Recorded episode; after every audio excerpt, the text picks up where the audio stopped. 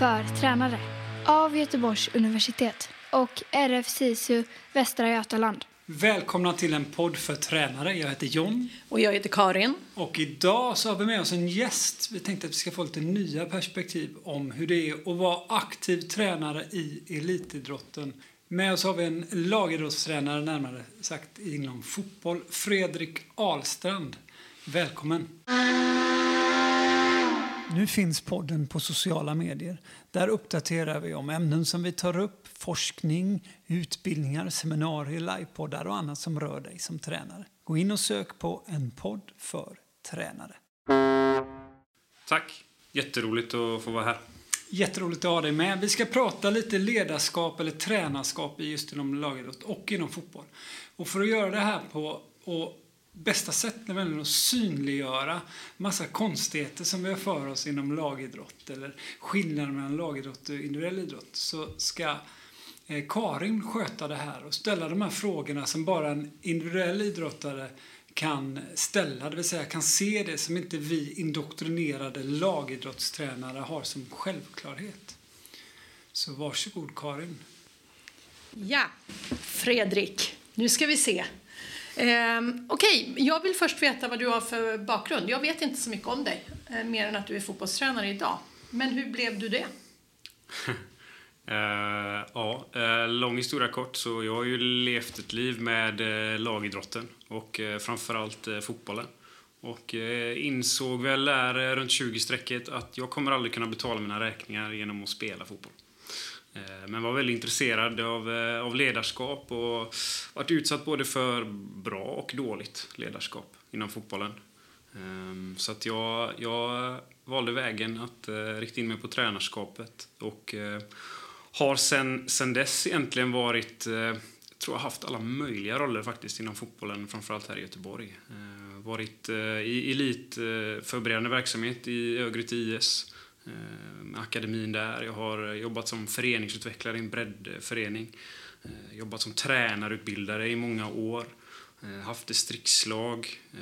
Varit tränare i, i, seniorfotboll, i, divisionsfotboll, liksom division 2 och 1. Och, och efter, efter många år och många säsonger och många olika roller så, så fick jag chansen här förra året att, att vara heltidsanställd fotbollstränare på elitnivå i, i Örgryte IS. Då. Eh, men du måste ha någon utbildning också, tänker jag. Det är riktigt. Ehm, jag har faktiskt pluggat här på, på Göteborgs universitet. Vi sitter ju i lokalerna här nu. Ehm, jag gick på sportscoachingprogrammet, tog examen 2014. Och ehm, parallellt med det så gick jag Svenska fotbollsförbundets tränarutbildningar. Så har ett steg kvar där, kan man säga. Så att, eh, jo, men det har varit eh, det har varit en hel del utbildningsinslag på vägen, det har det varit också. Eh, jag ser ju redan här en stor skillnad från den världen jag kommer ifrån. Och då tänker jag så här, från när får man betalt som fotbollstränare? Betalt är ju, ja, det kan man ju få ganska tidigt tänker jag. På ganska låga nivåer.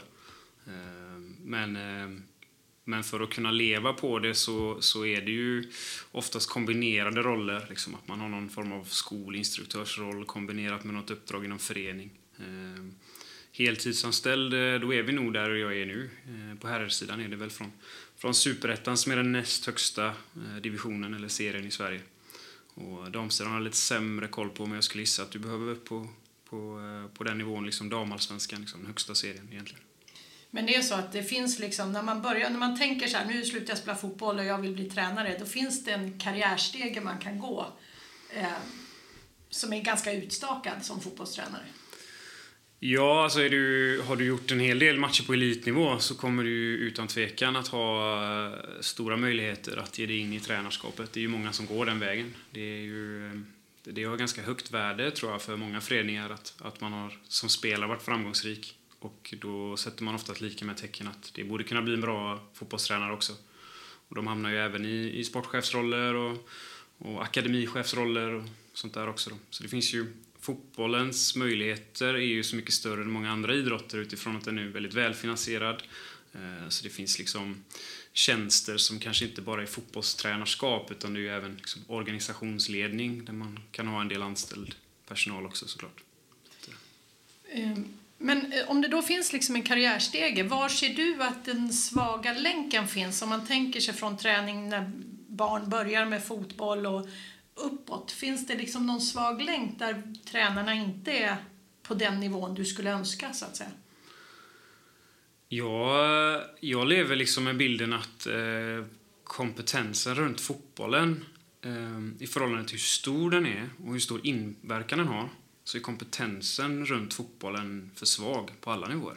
Det är, min, det är liksom min bestämda övertygelse. Att är många rum som man har suttit i där, man, där jag upplever att fotbollskompetensen är svag. Liksom. Mm.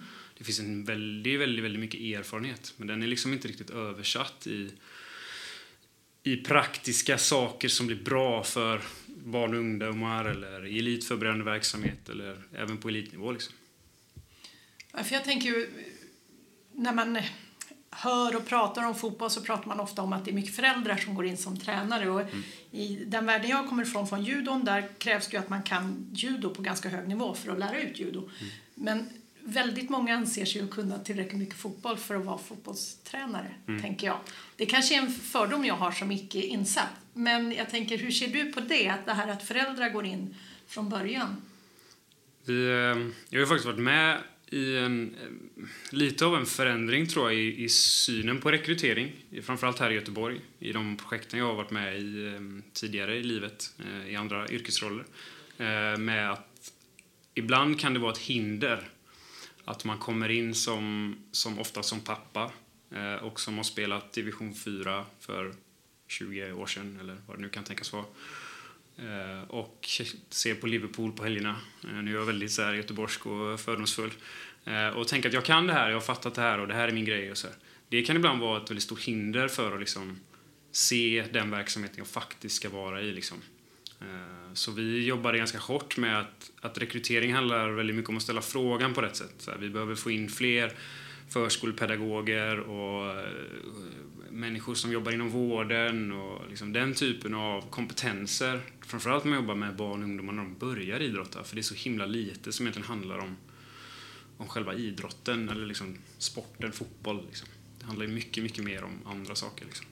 Och då, då tror jag vi kan, vi kan ställa frågan på rätt sätt och få in helt andra perspektiv som är väldigt, väldigt viktiga. Och då kommer vi in på en annan sak som jag har tänkt på, just det här med andra perspektiv. Min upplevelse är att de stora lagidrotterna, de är väldigt eh, de ser sig själva så, som så stora så att de inte behöver andra. Man gör sin egen forskning, man har sina egna utbildningar och man har ganska lite utbyte med andra idrotter. Eh, och det där kan jag se som, som kanske en förlust för lagidrotterna. Att man inte har de här gemensamma mötena, nätverken utanför sin egen idrott. Är det mm. någonting du kan liksom, ja, fundera på? Ja, men det kan jag absolut se.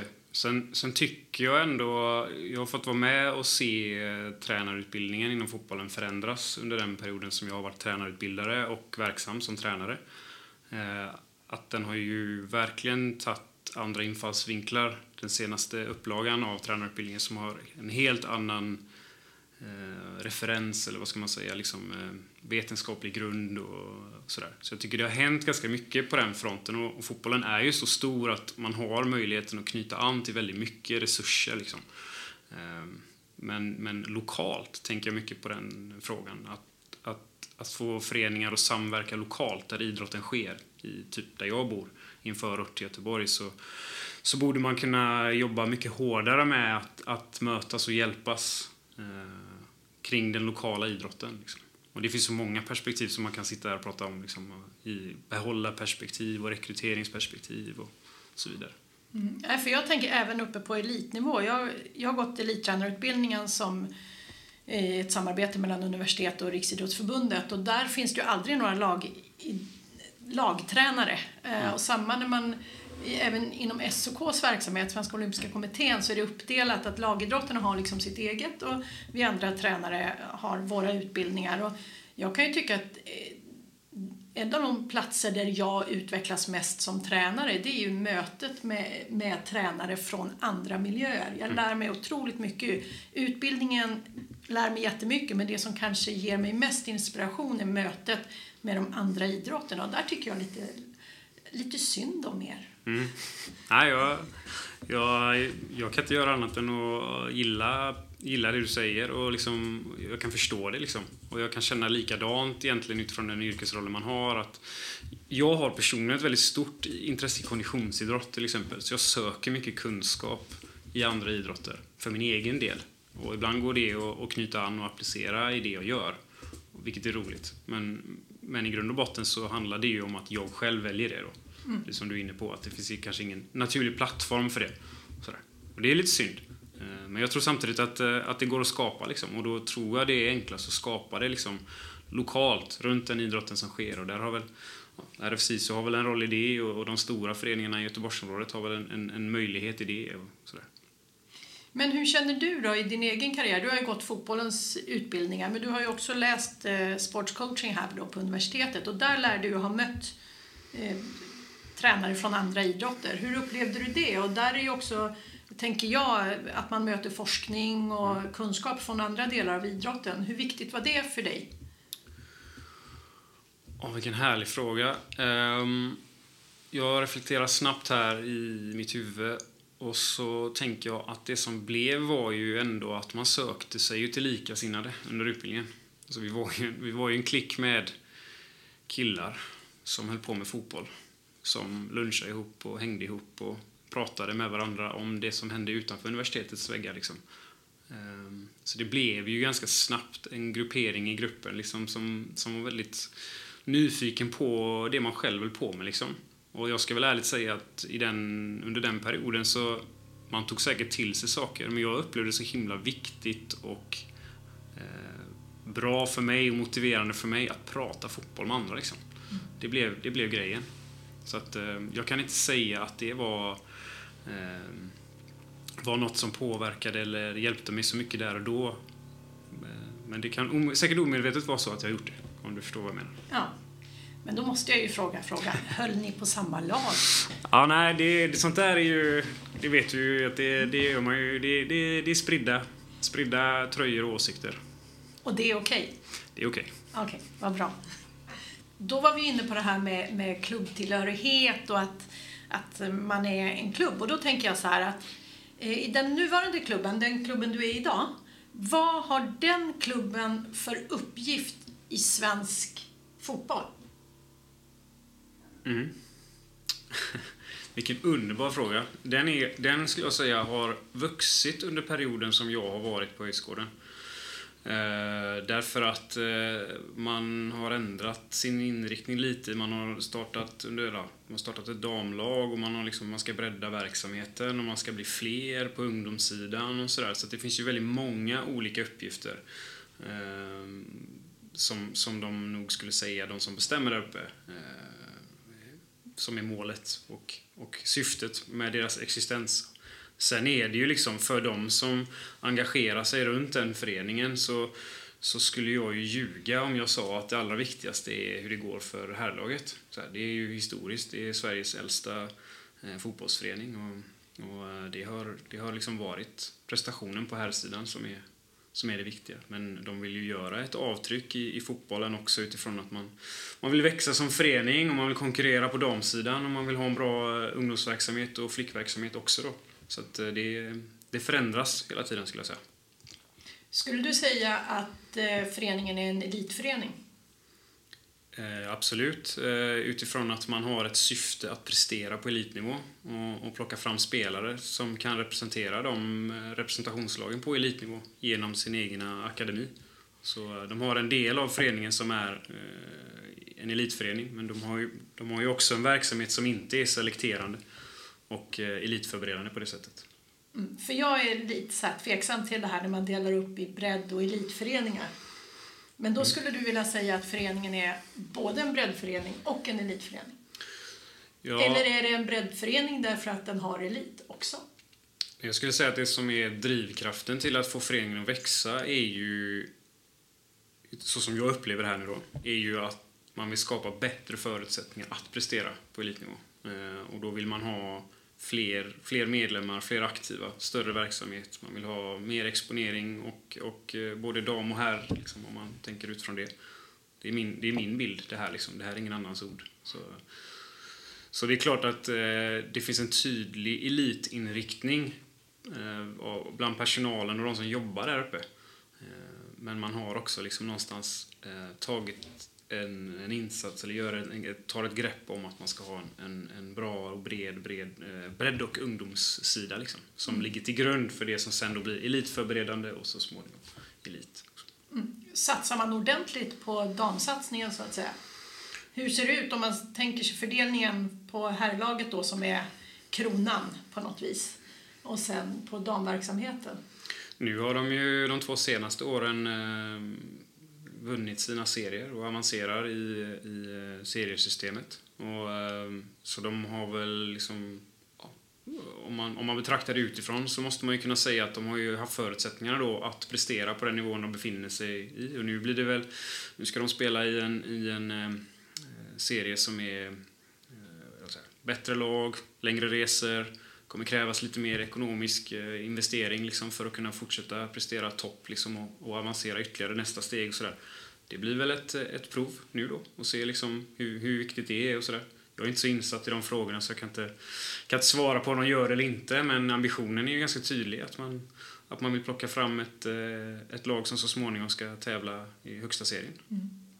Hur jobbar man i föreningen med, för att få fram liksom lovande egna spelare? Har man en akademi eller hur jobbar man? Det finns en, eh, en akademi. Eh, föreningen är ju så kallad SEF-certifierad, så Svensk Elitfotboll har en certifiering för akademierna i Sverige. Och, och vår akademi eller vår förening är certifierad och då finns det vissa krav som man ska leva upp till med eh, utbildningsnivåer på tränare och sådär. Så det finns ju en, en ganska tydlig elitförberedande del som man kliver in i från 16 år tror jag, om det är 15 nu. Okej. Okay. Är huvuddelen av de spelarna som kliver in där ÖIS-spelare från början eller kommer det från andra klubbar också? Mm. Eh, jag kan inte svara på exakt hur den eh, numerären ser ut, men jag vet ju av dem som vi har till exempel i vårt representationslag idag, i herrlaget, så, så kom ju de till akademin eh, när de var 16-17 år där någonstans. Och sen har vi några enstaka som har, har varit med hela vägen, men jag skulle säga att det är mer vanligt att man kommer in någonstans längs vägen. Mm. Och när räknar man då en spelare som en egen produkt i fotboll? Det beror på om du frågar eh, de som sätter upp certifieringen på svensk eh, elitfotboll. Eh, då finns det olika kategorier där man får olika poäng för hur länge de har varit i föreningen och sådär. Så det där är en väldigt godtycklig fråga, skulle jag säga. Så om du frågar mig personligen så är en egen produkt, det är ju ändå någon som har varit med från början. Liksom, som mm. har varit med ändå där från 7, 8, 9 år. Sådär. Skulle, om du frågar mig. Ja. Men hur, när börjar man? Det finns ju någon slags selektering då eftersom alla kan inte vara med i den här akademin.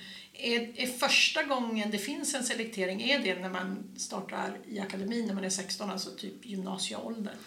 Ja, det sker ju en selektering generellt sett i fotbollen där, liksom inför att man ska välja gymnasium och, och NIU-gymnasium och annat. Eh, men det sker ju även liksom ännu tidigare att, att föreningar eh, rekryterar eller bjuder in eller eh, jobbar med olika aktiviteter för att främja varumärket som gör att man så småningom söker sig till din förening och, och sådär. Det är ju, det är ju vida känt liksom att, att eh, många söker sig också till de så kallade elitföreningarna och akademierna. Liksom. Och det är ju samma sak i den miljön jag är nu. Det är ju folk som söker sig dit och så finns det andra individer som identifieras längs vägen eh, som ska in i verksamheten eller som man vill ska in i verksamheten. Upplever du att det finns en, eh, en hets eller man ska säga, bland föräldrar att vilja att deras barn ska spela i en viss förening för att få chansen? Eller man ska säga? Det existerar absolut. Eh, om vi nu inte pratar just föreningsspecifikt där jag är nu, utan man pratar Göteborg överhuvudtaget, så, så är det klart att det finns. Det är ju, det är ju, tänker jag, en falsk sanning det där att man vill, man vill spela i lag som vinner och man vill vara med i de bästa lagen och man vill spela i klubbarna som har bra liksom, representationslag, därmed också lika med tecken elitförening som, utifrån diskussionen vi hade här nyss. Men eh, så är det ju. Det är ju, det är ju och det, jag, jag tänker också att min bild är att det även har, det har vuxit från elitföreningen att ha, ha den verksamheten där man vill ta fram duktiga fotbollsspelare så finns det även väldigt etablerade och starka, som man skulle säga är breddföreningar i vissa orter och förorter och i Göteborg som, som också har en det är ingen elitförberedande verksamhet, men de har en, en selekterande, tuff, satsande verksamhet där man tränar mycket och ska få fram bra spelare och sådär. Det görs ju i, i olika miljöer. Liksom. Det är inte bara i de så kallade elitföreningarna, de certifierade föreningarna. Jag har varit i, i föreningar som inte är det, den typ, alltså elitförening, som ändå har så här, rätt tuffa krav och mycket träning och, och som, vad ska man säga, indirekt väljer bort spelare genom sitt sätt att bedriva verksamheten. Så det är min bild, att, att det har liksom också spritt sig lite. Att det sker ju inte bara, det är inte liksom, ibland målas elitföreningen upp som den hårda, tuffa, elaka föreningen som, som väljer ut vissa barn och sådär. Men jag säger att det, det sker på fler platser än så, mm. tyvärr. Eh, jag kommer ju liksom själv från elitidrotten och jag vet ju att det, det krävs mycket för att bli en elitidrottare och det krävs ganska mycket träning och ganska fokuserad inställning från ganska tidig ålder. Och, och, och det där är ju en fin balansgång, att eh, veta hur man vet att någon kan, kan gå hela vägen. Eh, kan du uppleva att det finns liksom en dragkamp mellan vad vetenskapen säger och forskningen säger och det, det man känner inne i sig att ah, det här är en talang, jag vill... Mm. Just talangbegreppet liksom och hur man ser på det. Mm.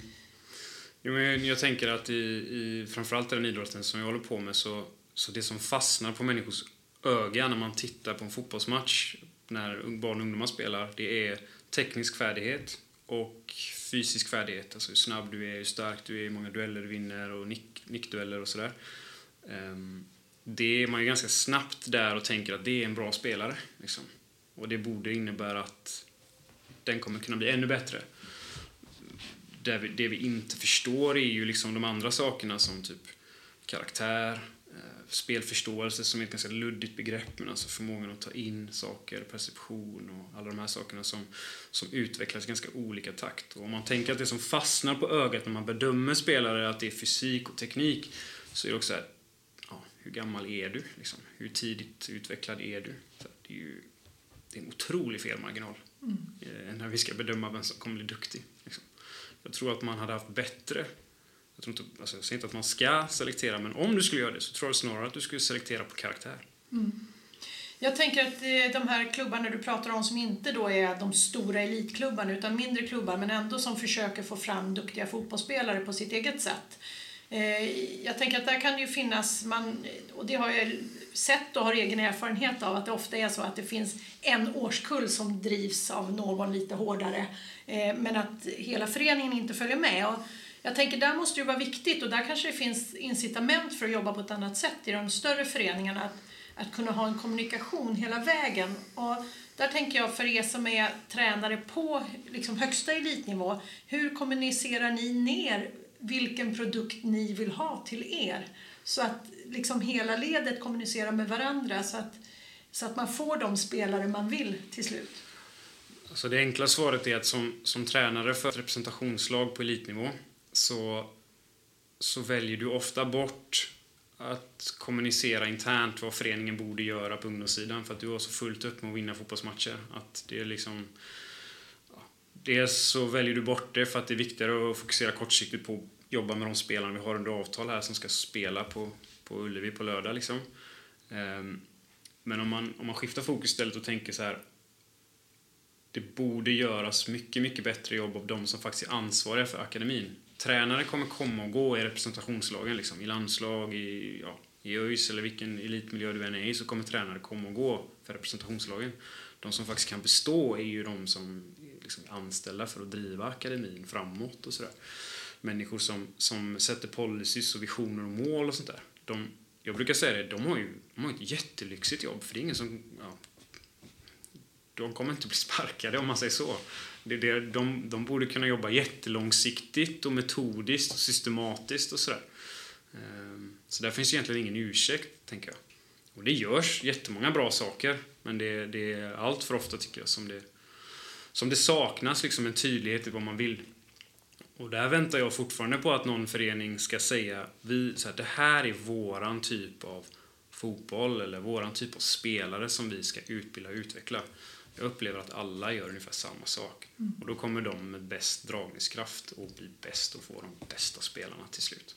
För att så här, de söker sig dit. Mm. Så nu kommer många söka sig till det laget som är svenska mästare i den här stan. Eh, och skulle det ändra sig så kommer det också ändra sig där, i vart spelarna söker sig. Men jag tror att man kan sticka ut om man är tydlig i det här ska vi vara, det här tror vi på. Då tror jag till slut att du kan rekrytera och behålla och utveckla spelare som är liksom din typ av spelare. Istället för liksom hela tiden ändå fastna på det här. Fysik, teknik, det som syns. Tänk om vi kan hitta andra saker. Det kan vara karaktär, kan vara, kan vara speluppfattning. Kan vara, då tänker jag att då öppnar vi också förmodligen upp till helt andra, om vi får använda sånt språk då, marknadsandelar liksom, som du kan ta som ingen tar idag. Mm. Du är hela tiden, om du är fjärde i rankingen, om man säger utifrån prestation på, på herrsidan, så kommer du också vara fjärde i ranking på liksom vilka spelare du kan rekrytera. Det hade varit jätteintressant att se liksom om det är någon som kan sticka ut och liksom, ja, men jag väljer det här därför att de tror på detta. Inte liksom, det är fräckast att gå dit. Om jag skulle sammanfatta lite så ser jag tre saker här. Se om jag kommer ihåg de tre sakerna. Eh, det ena är att, att eh, det här med att satsa på elit och att eh, liksom vilja få fram bra spelare kan ha ett pris. Men att det förekommer både i elitföreningarna och utanför elitföreningarna. Men jag hör också att, att och det jag liksom lärt mig lite här, det är att i elitföreningarna finns det incitament för att kunna göra det på ett bra sätt och ha en långsiktighet i det man gör. Eh, och att det kanske är där man...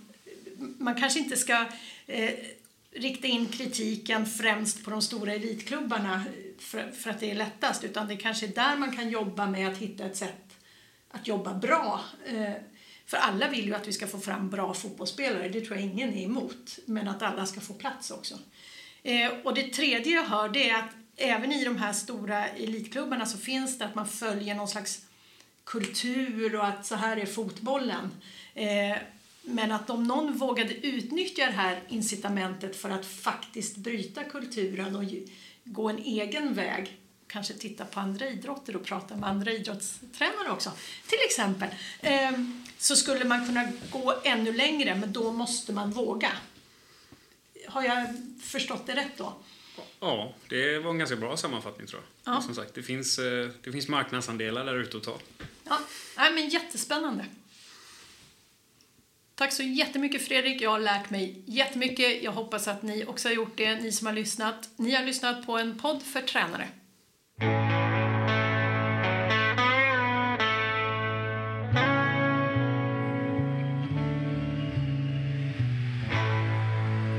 För att ni har lyssnat på en podd för tränare. Nu finns podden på sociala medier. Där uppdaterar vi om ämnen som vi tar upp, forskning, utbildningar, seminarier, livepoddar och annat som rör dig som tränare. Gå in och sök på En podd för tränare.